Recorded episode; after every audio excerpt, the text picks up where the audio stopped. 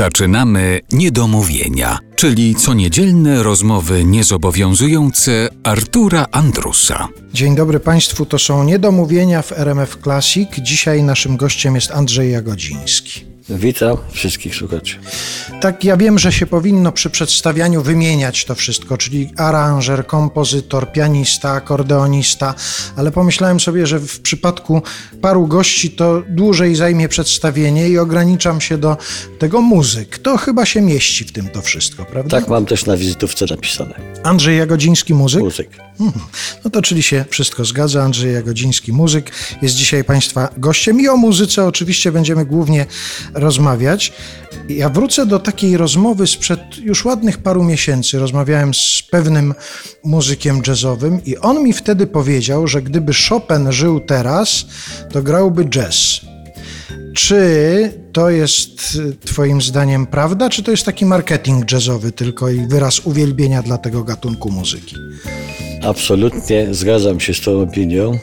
Wygłaszałem ją również, może nawet wcześniej niż słyszałeś to jakiś czas temu. Kiedy się słucha tej muzyki, to jazzman nie ma wątpliwości, że to jest muzyka wyimprowizowana. Powiedzmy. Oni tam na co dzień improwizowali głównie. Ścigali się na przykład z listem, improwizowali na tematy zadane z, pośród słuchaczy. A więc ten element, który dzisiaj w jazzie jest najbardziej istotny, czyli improwizacja, był obecny tam na co dzień. Zresztą to była też tradycja, że pianista po koncercie solowym czy z orkiestrą improwizował jak gdyby na bis. Na tematy na przykład zadane również spośród publiczności. Nie mówiąc o tym, że obowiązkiem wirtuoza, na przykład który wykonywał koncert fortepianowy, była improwizacja pod koniec pierwszej części. To był absolutny obowiązek każdego wykonawcy. Później niestety ta umiejętność trochę, tradycja trochę zanikła. Odrodziła się razem z jazzem na początku XX wieku. Czyli element y, improwizacji absolutnie i tu, i tu. Poza tym ja myślę, że słuchając naszych nagrań, wydaje mi się, że w niektórych miejscach jest dołożona tylko sekcja rytmiczna. Jakieś dłuższe fragmenty są po prostu zagrane oryginalnie. No to świadczy o tym, że no niewątpliwie ten facet, gdyby dzisiaj żył, to jazz, improwizacja to była jego pasja.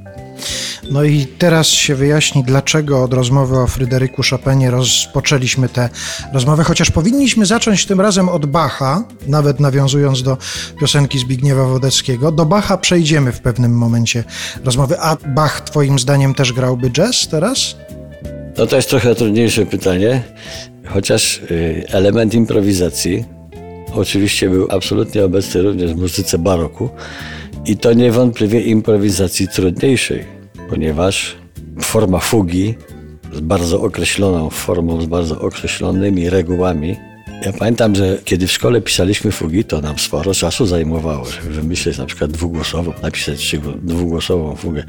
A oni improwizowali trzy, czterogłosowe fugi, tak po prostu z kapelusza. Mieli więcej czasu może wtedy i to stąd się brało. Także to była umiejętność wyjątkowa.